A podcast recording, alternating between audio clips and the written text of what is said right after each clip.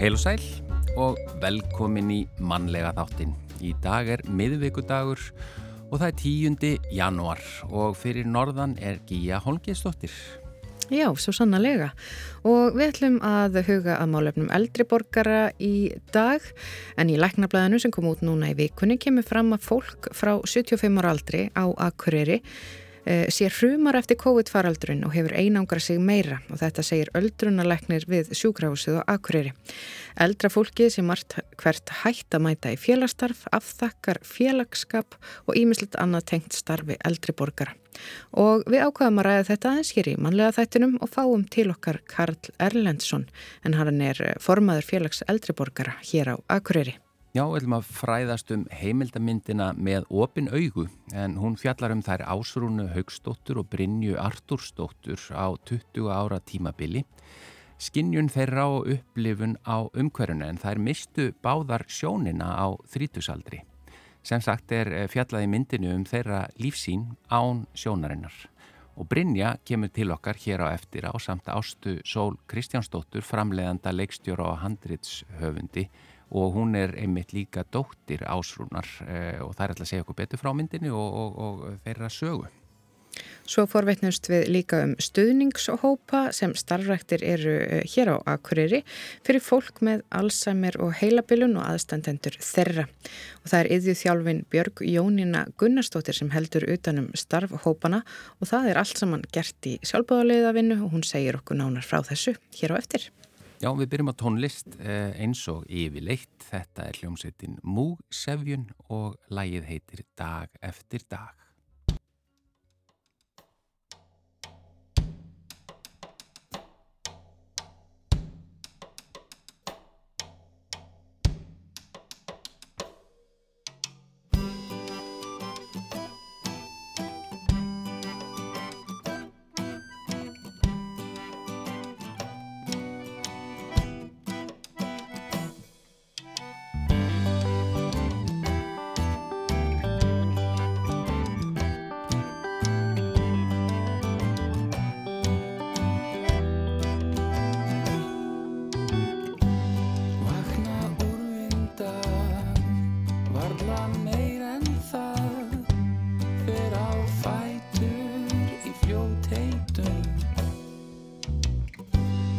bursta tennurnar sömu venjurnar fyrst af endur tæknum leiðindum.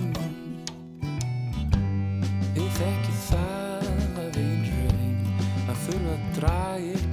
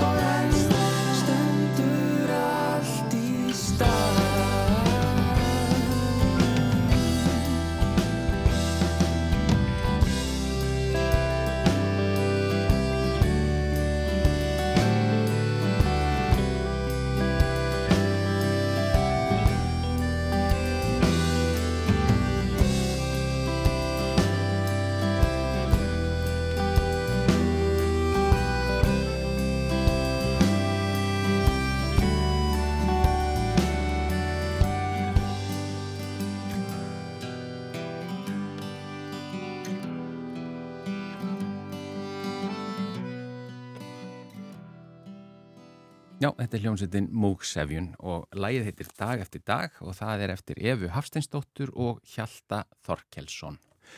En hinga er þær komnar Brynja Artúrsdóttir og Ásta Sól Kristjánsdóttir velkomnar í manlega þáttin. Takk fyrir. Takk fyrir. Það er þessi mynd eh, með opin augun sem að, eh, er svona eh, á kannski loka metrónum mögulega í ferlinu eða hvað. Þið hafi verið að vinna að henni eða mynd efnið í henni er alveg í 20 ár ekki satt ásta.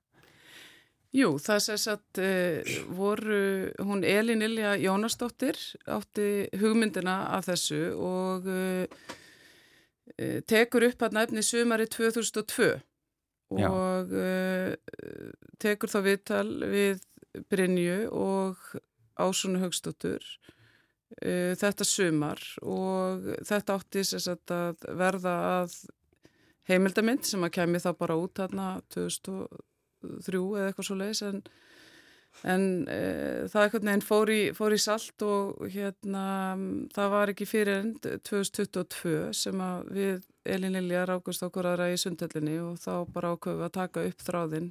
Ég hafði ekki verið með í upphæflegu tökunum Já. og við tókum þá upp Ásrún Högstóttir, eh, það er að segja Brynja Artustóttir sem er hér stödd og Ásrún, það er myndin er um ykkur tvær. Eh, Já. Uh, og þetta er í rauninni verið svolítið að fylgjast bara með ykkur í lífunu eða ekki uh, þið báðar missið sjón hvað á þrítusaldri Já Hvernig er, er þín saga?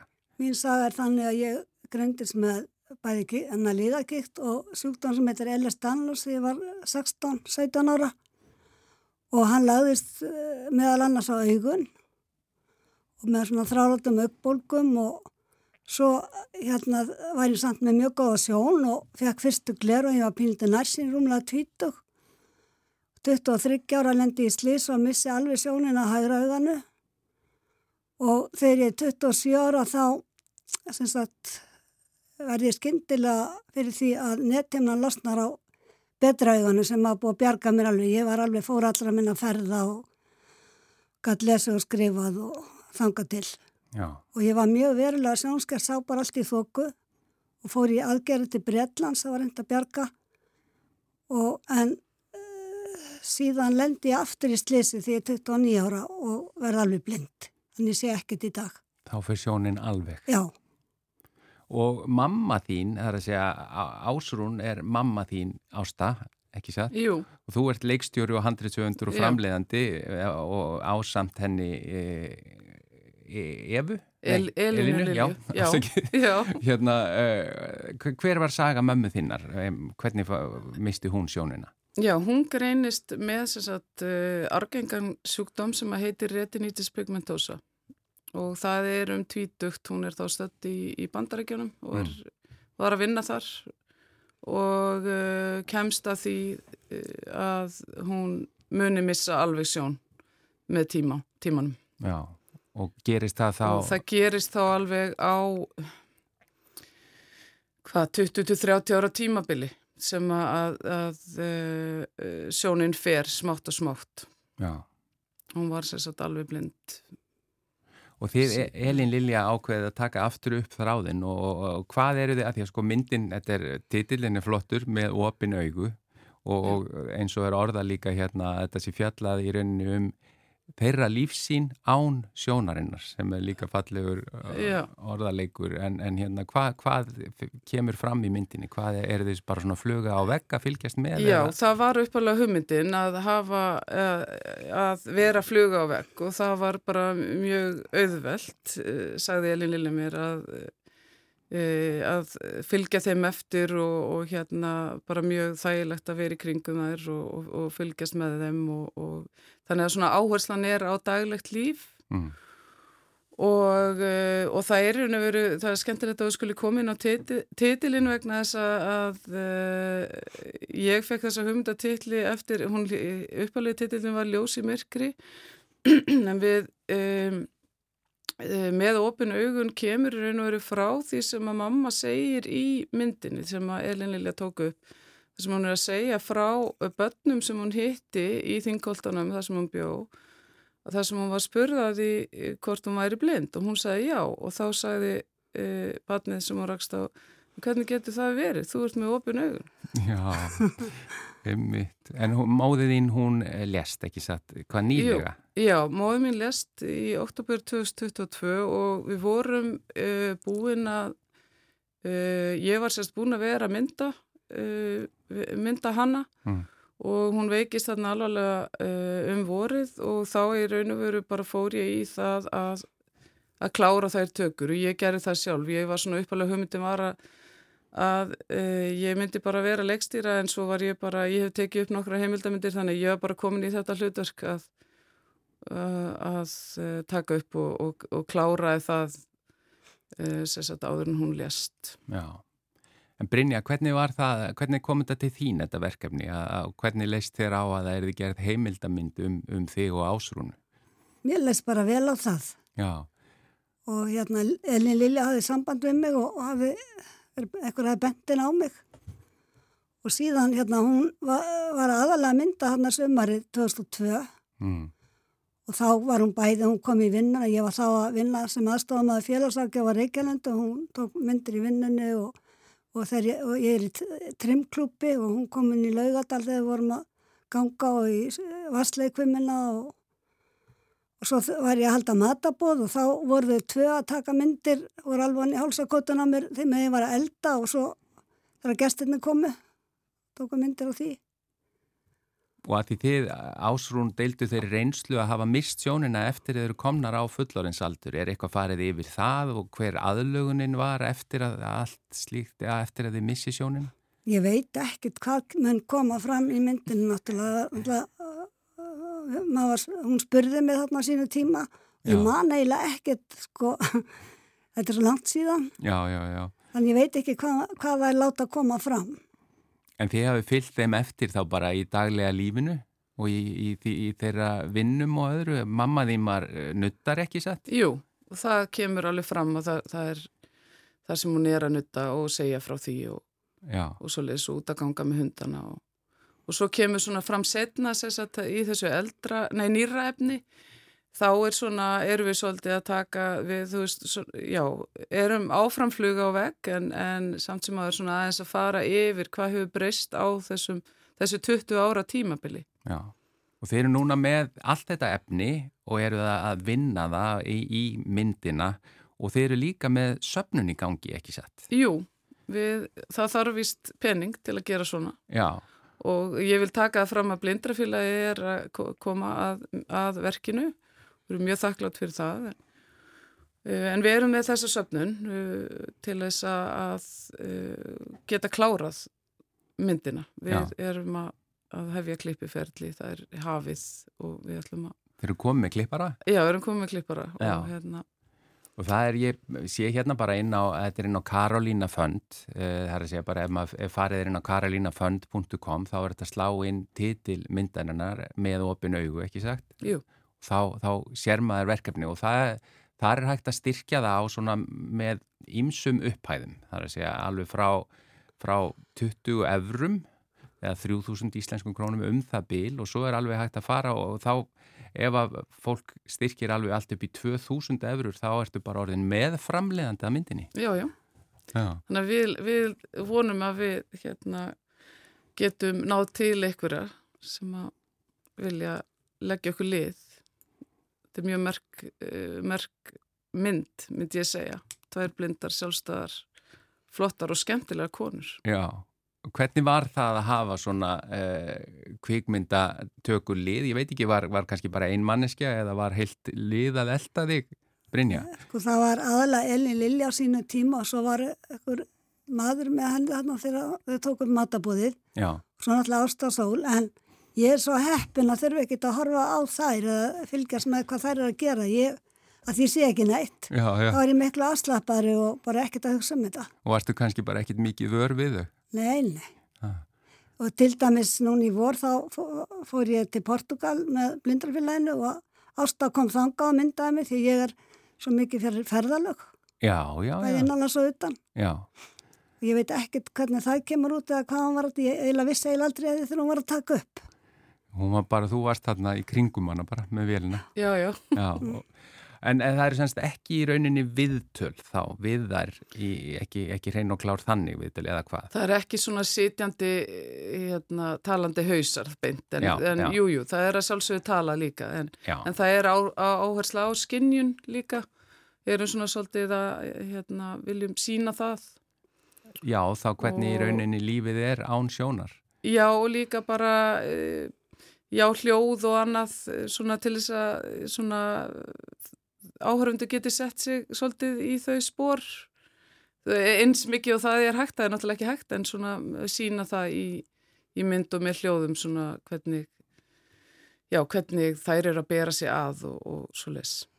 Og það er eh, talsvert eftir afsöfnunni, það er að segja það er alveg 37 dagar eftir eh, og, og ef að þetta gengur upp, þá, þá ætlið að klára hana og sína hana hvenar og hvar. Já, við ætlum að sína hana í vor, ef að þetta næst núna, uh, þá ætlum við að, við erum ekki komið með loka dagsetningu. Það fer svona svolítið eftir, eftir uh, hvort við fáum allt fjármagni inn núna, uh, en í vor og við ætlum að vera með allavega forsinningu í, í bíó Já. og, og svo sína hana í sjónvarpinu, hvort að, já, vonandi rúf, Kanski bara já, kannski bara. Það, hver, það er spurning hver er að hlusta hérna innan hús. en ég þakka ykkur innlega fyrir komuna, Brynja Artúrsdóttir og Ásta Sól Kristjánsdóttir. Þetta er sem sagt myndin með opin augu. Uh, Það er hægt að fara inn á karolínafönd.com og slá inn titilin á myndinni með opin augu og þá er þetta styrkja hana ef einhver vil taka þátt í því. Þetta er sem sagt verkefni þitt, Ásta Sól og Elin Lilja Jónasdóttir, þið gerir þetta saman. Ég þakka ykkur innilega fyrir komuna í mannlega þáttin gangi ykkur vel. Takk fyrir. Hann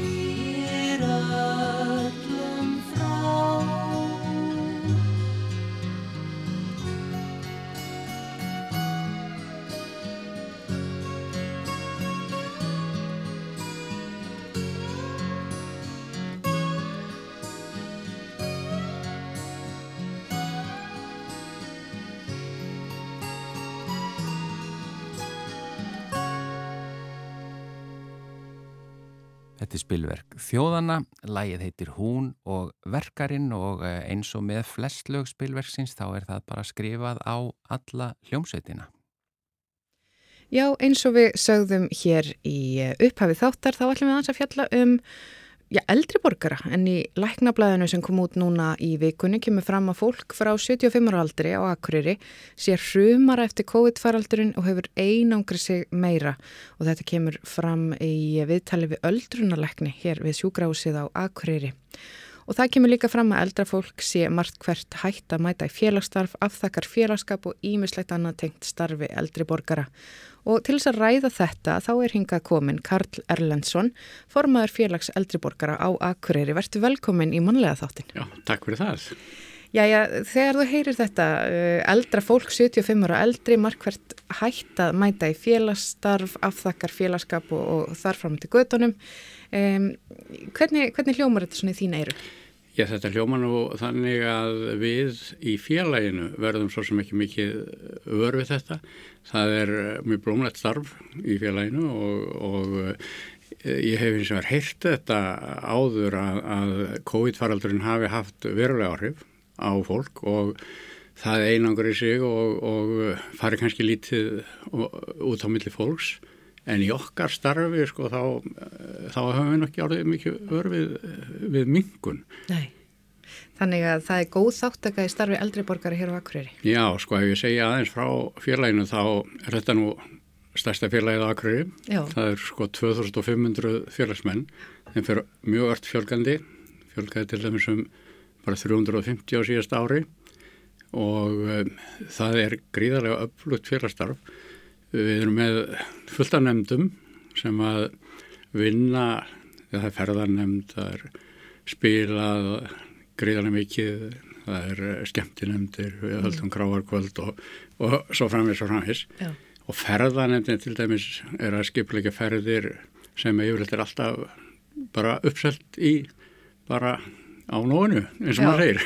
Og eru þetta ferðir víða eða mest svona til maður hefur séð þessar kanaríferðir eða alikantuferðir eða, eða er þetta líka innanlands? Er þetta alls konar já, ferðir? Já, þetta eru alls konar ferðir. Við mm. höfum, uh, tökum sem dæmi bara núna var farið í desember á jólarhlaðborð upp í Mjósveit og það þurfti að bæta við rút og við, við tókum allt hótelið því að það var uppselt alveg á svipstundu og, og þurfti bara að bæta við Eh, eins og bara hægt var.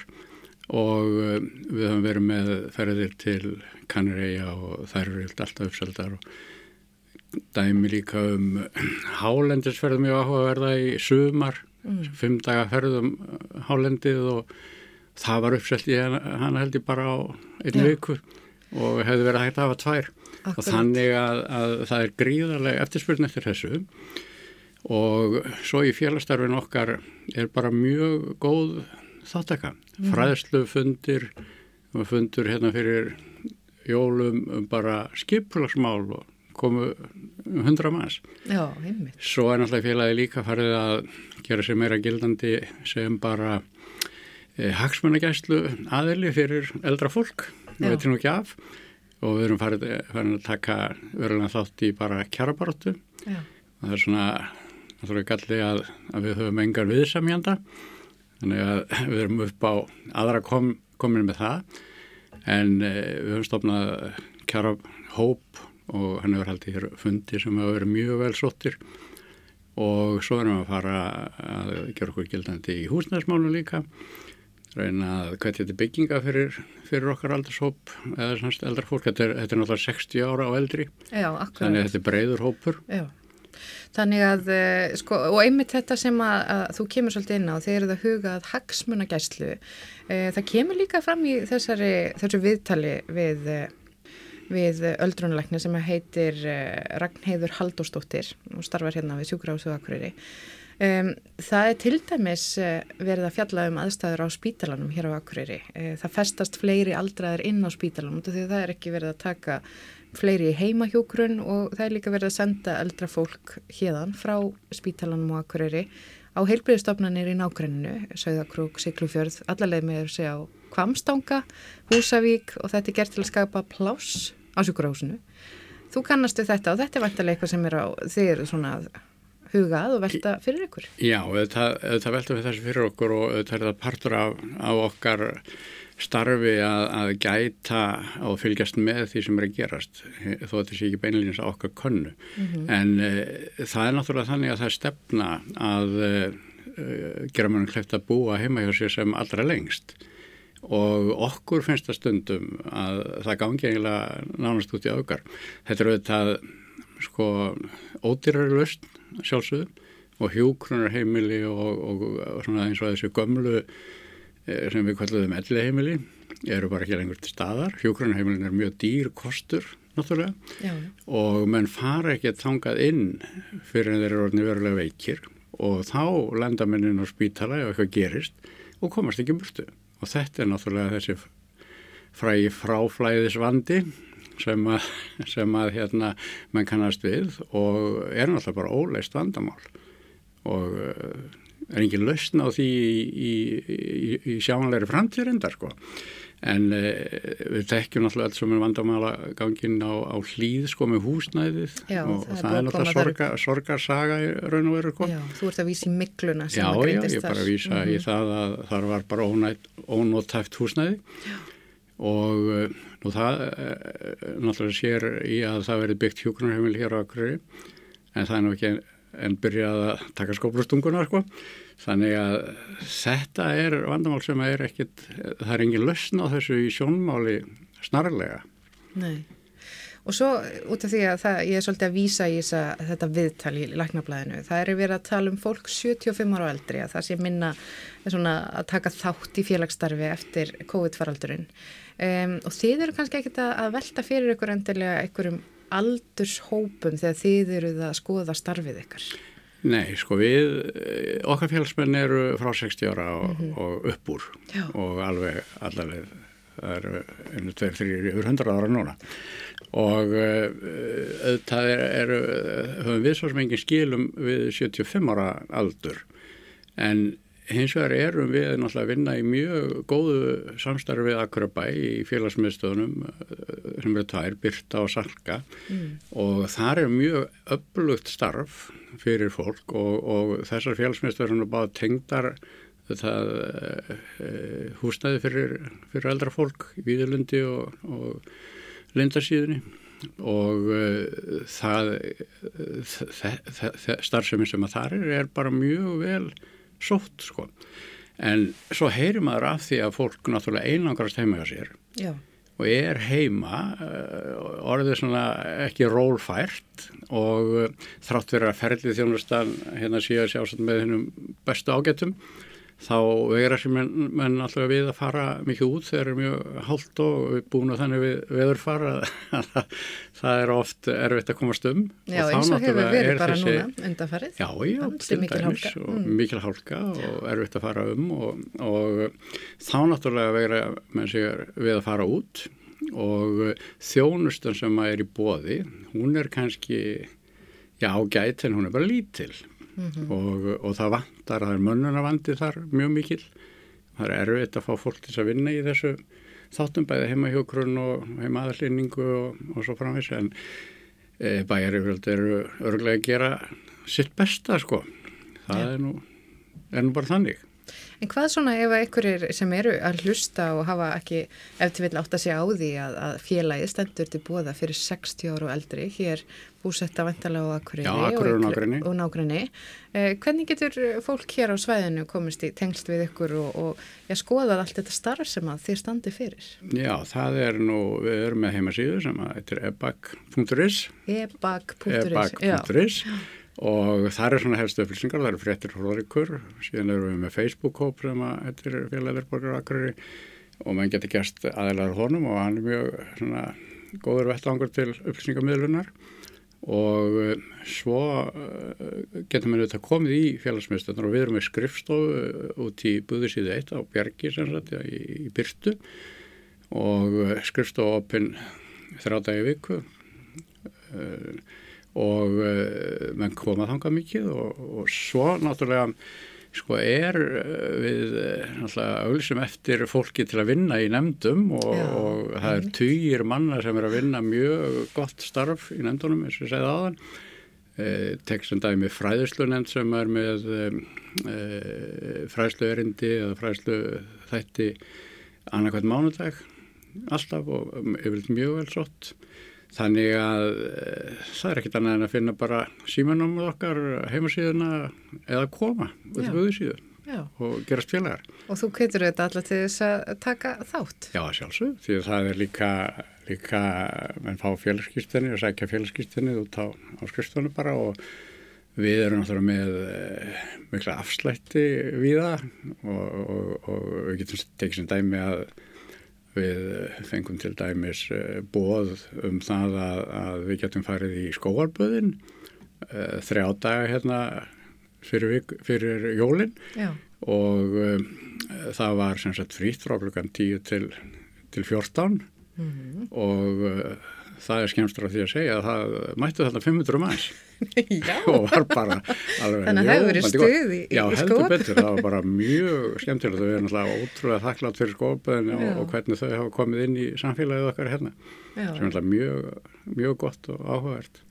Já, þannig að það er vel sótt starfið eh, hjá eldri borgurum hér á Akureyri og auðvita e, þeir sem eru eh, kannski já, þurfa á meiri hjúgrun og þjónustu halda, það er kannski líklega þeir einstaklingar einokri sig Já. en, þeir, en þú hins vegar upplifir bara grósku í Í ykkar starfi. rauninni, já. Og velvilja í sjálfu sér gagvall uh, fólkinu en auðvitað uh, eiga menn við mjög mismunandi aðstæður að, að stríða. Það er, sumir hafa það bara ljómandi gott og eru hefnir með heilsuna og aðrir ekki og, og, og þar er það kannski fyrst og rann sem að skóin greppir. Já, þetta eru ágættisloka orð. Takk fyrir komin að hinga í mannlega þáttin Karl Erlendsson, formaður félags eldriborgara hér á Akureyri og gangi ykkur vel í ykkar störfum. Já, takk fyrir það og takk fyrir að fá mig.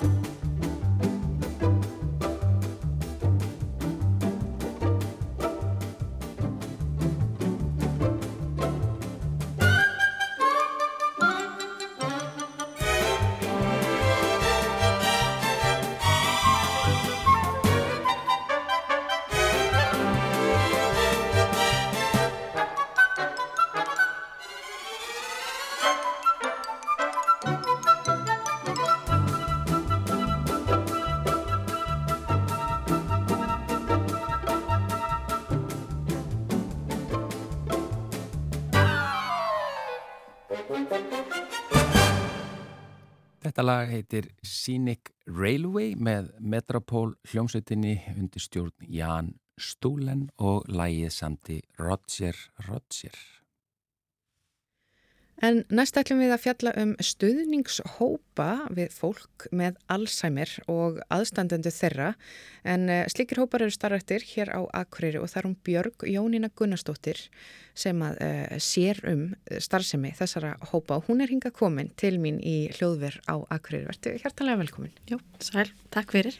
Sko, ef við byrjum bara, ég segi stuðningshópar, hvaða hópar eru þetta nákvæmlega?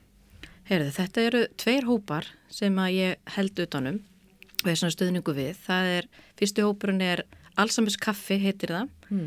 Það er fyrir hinn veika eða einstakling sem er með greinda heilabölun og aðstandendur hans og svo er hinn hópurinn er stuðningshópur fyrir aðstandendur.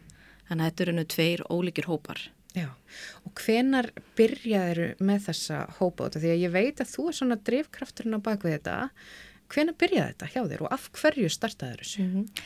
Sko þessi Alzheimerskaffið hefur verið til áður hérna á Akureyri og það er aðilar sem ég mann og ekki núna hverjir það eru e, fyrir mörgum árum og svo bara duttu datt það einhvern veginn upp fyrir Já. það varst einhvern veginn ekki halda utanum það Þannig að það er nokkuð mörg ásíðan að var síðast og var þá haldið alltaf uppi á hlýð öldrunaheimili, sem þið hétt þá öldrunaheimili, e, þegar það var undir Akurabæ. Svo bara haustið 22 þá ákvaði ég að gerast tengilegur hjá allsum samtökunum mm. í Reykjavík og Gulla hjókunufræðingu sem vinnur með mér í lögmaslið, eða vann þá með mér í lögmaslið. Og við fyrir með einhvern veginn bara að tala saman og erum báðar bara með áhuga á þessu máluflokki og brennum fyrir þennan málstað. E, ákveðum bara að pröfa að fara á stað, gerðumst henglar báðar e, og já, og við bara fórum af stað. Mm -hmm. Auglustum kaffið, fundum stað til að vera á og fyrsta, fyrsti hittingu var hérna 7. oktober 2022 og við semst hittumst alltaf fyrsta fymtudag í mánuði klukku 5 og er til svona frá 5 til svona hálf 7 og erum svo ótrúlega þakklátt fyrir að við fengum aðstöð upp í Safnarheimili, upp í Akurikirkju erum alltaf með aðstöðu þar á, þau, á fyrsta fymtudag í mánuði og fáum bara að nýta salin og eldhúsið og allt eins og við viljum þannig að það var afskaplega þakklátt fyrir að fá að vera þar Já, og svo þróast þetta yfir í að það er annar stuðningshópur gerður og já. það vantilega er þá bara einhvers konar vöndun, einhver, beðinni. Já, að við byrjum þarna með allsammiskaffi, það sem er hinn veiki eða einstaklingur sem er með greinda heilubilun, mætir og aðstættendur voru þá búin að hittast þarna haustið Já. og þá fórum við svona bara að að spjalla eins og gerist bara, en það er það tilgangur með, með þessu allsammiskaffi, þetta er bara fræðsla og spjalla og kaffi og samvera. Að þá heyrði ég svona að, að þeim aðstændum sem þar voru að þeim fannst líka vanta svona stuðningshópur fyrir aðstættendur sem er í Reykjavík hjá allsamsamtökunum, þau, þau eru þar með nokkru hópa.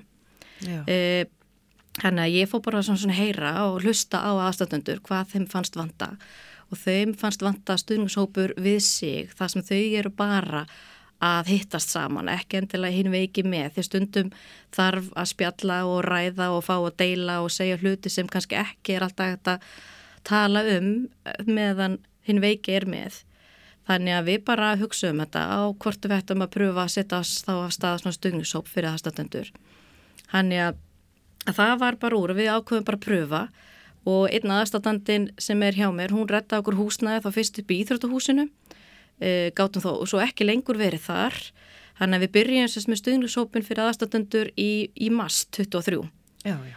e, og þannig að við erum sérst búin að vera hjá, já, hitt, hópurinn er búin að hittast alltaf einu sinni mánuði og það við erum hittast alltaf annan þriðið mánuði. Og eru núna með aðstöðu upp í Sölku, félagsmyndstöðin upp í Víðlundi Já, já, já, já. Og hvernig hefur, uh, hafa hóparnir verið uh, sóttir? Hvernig hefur aðsóknin verið? Herðu, bara, það hefur bara gengið mjög vel. Ég var okkur að taka þetta saman í gær og þá bara út frá sko svona lokum Facebook-hóp sem við erum með þegar við komum til að komnir og við og hérna skráum okkur inn. Ég hugsa í stuðnusóknum fyrir aðstatundur séu orðinir cirka 35 eh, en í allsamiskaffinu það er náttúrulega eins og ég segi líka hinn veiki með þá eru við fleiri. Við höfum alveg verið upp í 40 að mæta þar svo náttúrulega er alltaf afföll hverju mæta og hverju ekki en það hefur alltaf verið mjög góð þáttaka. Mm Og er í rauninni þáttakann þá orðin eiginlega of mikil fyrir að þið getið, eða þú, synda þessu í sjálfbúðarlega starf, er þetta bara að vaksa uh, svona rætt? Já, það mætti segja það. Þetta er að vaksa rætt á þessum stutta tíma. Uh, Alzheimerskaffi er nú alveg ganga vel, ég er náttúrulega með stuðning þar, það er hún Dóra Herbistóttir, félagsliði, hún er hérna mér til stuðnings mm. og það hefur verið afskaplega gott að hafa hana líka, þannig að við höfum hingað til geta verið með þetta tvær. Þetta er líka þáttaka þeirra sem er að koma, en þetta er líka bara samvinna okkar allara sem að erum, hann að, að störfum. Uh, en stuðningshópurinn, hann er orðin stór Uh, og það er líka þannig eins og þau eru með þetta í samtökunum með Reykjavík, þá eru nokkri stuðnishópar og það er alveg nöðslut þegar svona stuðnishópar geta ekkert orðið of stórir vegna þess að það er mikilvægt að myndi svolítið tengsla trausti þarna að vera ræð oft viðkvam og erfi mál sem þarf að standa bak við trúnað og, og það þarf að mynda svona já, tengsla traust þannig að það er erfitt kannski að vera alltaf að koma nýr og nýr inn í hóp sem kannski er búin að svolítið að myndast Mm -hmm. og fara að mynda svona líka bara alltaf vináta og, og, og já, og, og bara já, fann að mynda tröst og tengsl. E, þannig að við erum með þennan stuðningshóp og hún heitir Olga Ásrún yfir þjálfi og fjölskyldirákjafi sem er líka með mér að stýra þeim hópi, að halda svona utanum hann. Þannig að við erum tvær þar en við sjáum að þessi hópur er orðin á stór. Við nánast teljum að það segil ekki að það taka mikið fleiri þar inn. Það er þörf á fleirum, líka vegna þess að aðstöndur þó sem allir að glýf, eða þú veist takast á við þennan erfi á sjúkdóm, heilabilun, að þá náttúrulega eru aðstæðnar alltaf mismanandi og þarfir og geta náttúrulega oft ólík. En, en hendilega kannski allir að sækjast í samt að, að eiga samskipti og eiga samskipti aðra sem eru svona í svona sum aðstæðum og þau sjálf leita sér styrk bara takast á við það, það sem Já. þau eru takast á við hverju bara daglegu lífi en eins og í Reykjavík þá eru hópanar til dæmis nokkri, það er einn hópur við aðstatundur sem búi heima, það er mhm. einn hópur sem við aðstatundur við einstaklingar sem eru komin búin á hjúkurnaheimili, eh, það er einn hópur fyrir unga, yngri sem eru greinast með heilabilun. Og svo er annar hópur sem er hérna fyrir einstaklingar sem er aðstæð, eða aðstandundur sem er einstaklingar sem eru greinast með lefibóti þannig að þarna sér þarna alveg fjóri-fimm hópar Einmitt. til þar. Já. Sem er alveg sannarlega vöndun hér líka. En hver er þá framtíðin hérna út af því að uh, maður hugsa nú líka, hér eru fullt af nágranna sveitafélum, uh, það, það er svolítið langt til Reykjavíkur mm -hmm. og, og, og aðilatnir sem að starfa fyrir um, samtökinn í Reykjavík mm -hmm. kannski hafa ekki einsinn inn í kerfi hérna eða mm -hmm. hvernig hlutinni virka -hmm. út á landi eða, mhm. eða allavega hérna á þessu svæði um, hver er þá framtíðin, hvernig, hvernig sér þú þetta fyrir þér að starfið ykkar muni þróast, svo að þetta nú bara ekki niður eins og mhm. gerðist þarna mhm. í, áður. Sko, þá bara þetta er náttúrulega bara gerist hægt og rólega í litlum skrefum og við náttúrulega bara bjart sínir á þetta bara haldist áfram. En okkur vantar náttúrulega bara fleiri í lið með okkur. Mm. uh, og erum búin að vera leita eftir fleiri sjálfbóðulegum þetta er náttúrulega alveg ótrúlega gefandi og bara nærandi starf þetta bara stækka mann og maður bara læri manngæsku á þessu. Uh, þannig að það er bara held ég áfram bara svona að bera út bóðskapin og, og vera, vera sínilegri líka. Það er líka það sem við erum kannski að fara núna bæði ég og, og Dóra og, og Olga vera bara að vera sínilegri og líka þau sem er að sækja að við halda bara áfram að byrja út bóðskapin hvað við erum að gera og þá líka bara til akkurat bara bæjastjórnar og sveitastjórnar hérna kring þannig að þeir bara heyri og viti og geti kannski því það fullt til að góði flottu fólki sem er til að, að hérna, deila reynslisunni og starfið sínu sko og vera alveg pottit í svona sjálfbafinu en oft er þetta bara hvað á að byrja og hvernig en ég held einhvern veginn bara með svona hluti þeir bara þetta einhvern veginn bara rullar, oft byrjar og svo verður þetta bara einhverju stóru og góðu. Þannig að ég bara ætla að vera bjart sem í framtíðina Já. og halda bara áfram í þessu og hérna reyna líka bara á, við erum að reyna, tengja okkur við e, svona þjónustu bara já, bæja yfirvöld í, í kring, líka fá þau til þess að í lið með okkur. Mm -hmm. Þannig að kannski dæin verður þetta ekki bara sjálfbóðina, það verður kannski hægt að gera úr þessu störf Já, það verði til bara nokkurs konar lítil samtök já, hér, já. tengt þá stóru samtökunum Alzheimer's. Hvað heitir það nákvæmlega? Heitir það samtök? Þetta er, heita, fyrir, þetta er Alzheimer's samtökin sem er náttúrulega fyrir allt, allt mm -hmm. landið. Þannig að þau náttúrulega er, er á eiga þjónusta bara allt landið. Um, en við höfum ofta verið að hugsa það hvort það myndi vera gagsimi í því að þetta væri nokkurs konar önnur bara félagsamtök hér þá bara kannski eins og svona dótturfélag eða eitthvað já. undir allsum með samtökunum þegar þau náttúrulega hafa alveg nóg að sinna hérna í stór borga Reykjavíka svæðinu en hann er að, já, hann að ég held að það væri eitthvað svona, það er ekkert komið á það stíg en það væri hægt að hugsa þetta á þeim nótum. Akkurat. En svona bara alveg í lókin, um, hvernig er hægt að nálgast ykkur?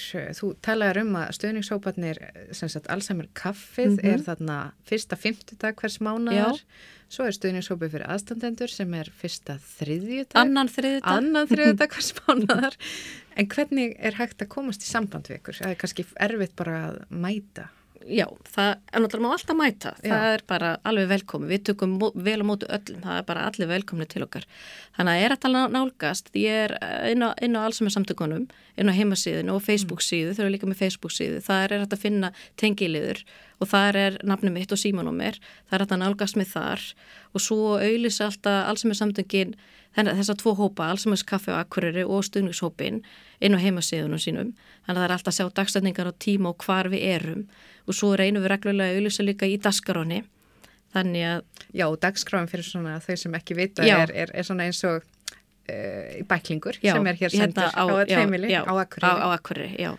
Akkurat. Þannig að ég hef líka alveg verið að fá bara símtöl og bara tek þau og reyna bara leiðbuna fólki og, og benda á og, og bjóða það velkomið vegna þess að fyrsta skrefi er oft mörgum erfitt Já. þannig að við leggjum mikla áherslu á að taka vel á móti þeir sem eru nýjir þannig að fólk upplifi góða mótöku og vilja þó koma aftur Glæsilegt. til okkar. Uh, Björg Jónína Gunnarsdóttir, uh, takk fyrir að koma enga í mannlega þáttinn og segja okkur frá þessu sjálfbóðalega starfið þínu og gangi ykkur vel uh, áfram Já. að sinna þessu góða starfi. Já, takk hérlega fyrir mig. Já, þá tek ég við hér aftur sunnan heiða. Þetta var sem sagt loka viðtalið í þættinum í dag. Við verðum hér auðvitað aftur á sama tíma á morgun þökkum innilega fyrir samfylgdina í dag. Veriði sæl.